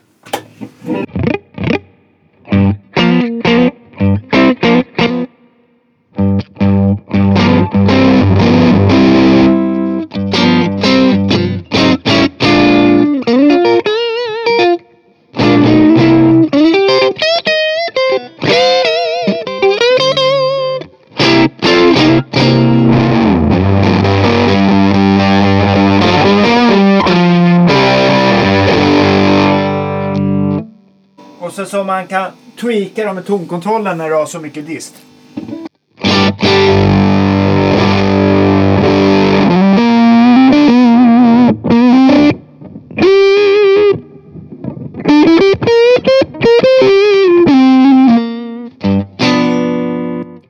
Också riktigt cool. Ja. Vad jag har förstått på de här eh, gamla och, och, och hört David Morin, han kan ju hur mycket som helst om det här. Men just när det liksom är bra matchat så har man väldigt, spe, eller väldigt varianter mellan volym och eh, fussen. De Ja, interagerar väldigt bra. Ja, så det det. går ju liksom Ja. att ställa in. Och sen så har ju inte de här någon så här biasjustering som, Nej, som eh, analog. Jag har en sån Sunface med Ja, biasrätt. Visst, sky- supersmidigt. Men den här silverfärgade, den från den med eh, germanium-grejer. alltså, Hade vi satt på den när jag kom hit, då hade det låtit... eh, pr- pr- pr- Prutt hade det låtit. Ja, bara. Den är kall liksom. Så att, De har fått värma upp så här. ja. Och den här silikonen är ju stabilare. Och jag, jag vet inte, mellan de här två, så det är min favorit faktiskt. Underbart. Tycker den är stencool. Ja, verkligen. Vi ska fota de här också. Det blir ju mycket fina gearpics här till hur? veckans avsnitt. Men eh, okej, men eh, när, kommer, när kommer det gå eh, att beställa en sån här fin stärk? Ja, men man kan ju beställa redan nu, men leverans april. Du beställer nu och betalar och så så Nej, det man, nej, man betalar när man får den, absolut. Men vi kommer, om man säger så här, i, på i fussmässan i Göteborg så kommer vi eh, sälja. Ja. Och då är vi där och visar upp dem Har ni, har ni eh, klubbat något pris? Nej, vi håller fortfarande på att räkna på det. Ja. Men målet är att vi ska... Hamna eh, under 50? ungefär, nej, men under 25 tänker vi. Mm. Alltså det, är- det är dyra delar i framförallt Ja, men elementet. åt andra sidan, eh, åt det andra sidan en handbyggd eh, förstärkare och, och som är välgjord, det, det Ja. ska ju kosta det. Ja, Absolut. Nej, men det, det är många faktorer det på eh, vem som säljer dem, hur vi säljer dem och sådana saker. Det är marginaler hit och dit. Och Det är så när man lär sig. Det, jag har lärt mig otroligt mycket bara på det här eh, halvåret, året med eh, elsäkerhet, eh, leverans, eh, eh, vad heter det, procent och hit och dit och distributionsspann. Eh, spann och, ja, det där vet ju du Danne som driver butik. Det är mycket att tänka på. Mm. Inte bara ljudet. Precis. Ja, absolut. Och eh, det jag tror att det, det första niten man går på det är egentligen hur mycket tid, alltså research och sånt där som man ska liksom baka in i marginalen också. För Det ju kommer vi aldrig bra- få igen. Och Ibland, så kan det Det går saker- på goodwill-kontot. ib- Ibland kan det se bra ut på pappret va? och sen så bara så ser man bara hur jävla hur mycket timmar som Ja. man flyger iväg. Så kanske inte eh, timpenningen blir så hög i alla fall. Men Nej. det är otroligt, ja, och som sagt så är det ju det, det är ju mycket research och jag tror verkligen att, att eh, se till att produkten blir så bra och, eh, som möjligt och eh, att den blir som att ni själva gillar att sälja den. Den låter Mm. ju fantastiskt. Så Nej, men det- men det är väl- skitkul att spela på också. Ja, framförallt så handlar det ju om att Ola och jag hade en vision eh, slash dröm om att göra det här. Och vi, eh, om någon annan gillar och vill köpa det så är vi jätte, jätteglada. Eh, annars så kommer vi åtminstone få det vi vill ha. Har den ett namn? Eh, alltså Insulander Amplification heter ju eh, märket då så att säga. Eh, men vi har inte eh, döpt den än. Alltså om det ska vara någon modellbeteckning. Det får vi återkomma med. Och eh, utseendet är ju inte helt klart heller. Det är, storleken på kabinettet eh, och sånt. Eh, och den kommer nog vara blond med det här fronttyget. Men sen håller vi på med en front då, och en backplate. Eh, Så vi får se. En logga kanske? En logga kanske blir det. Jo då, det blir det. Och så blir det lite pedaler. Ja, Det kommer några pedaler också. spännande. Mm. Kan du tjuvsäga något, höll jag på att säga. Ja, men det blir ju en, en version av Olas då, eh, fussen, overdriven och boosten. Som, som han har redan nu på marknaden. Eh, och så blir det en, eh, en variant på den här eh, Tula. Eh, en, en always on-pedal. Mm. Som jag vill ha. Ja, Kommer det, kommer det bli, eh, kommer det bara gå liksom att köpa direkt hos er eller kommer ni att återförsälja? Eh, på- det är det vi håller på med nu, sonderar terrängen. Så att allting ska ligga på bordet vid årsskiftet. Det är då vi fattar alla de besluten. Coolt. Jag Ja. ställer upp i alla fall. Ja, schysst. Ja.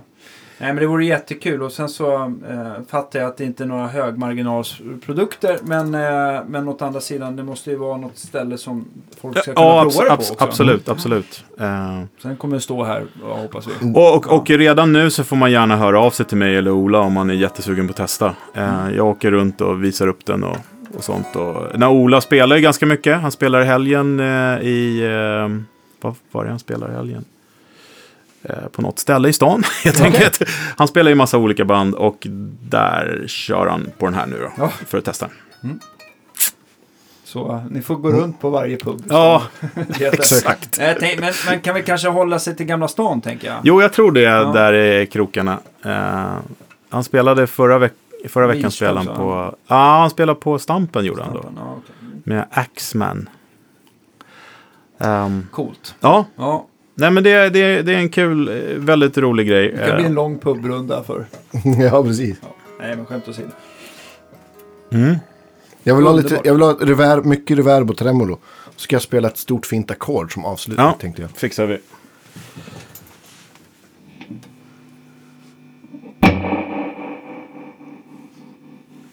Ja, ni hör ju själv. Här har man ju då, rever, då tremolot är sist. Hur fint reverbet åker efter den. Ja, precis.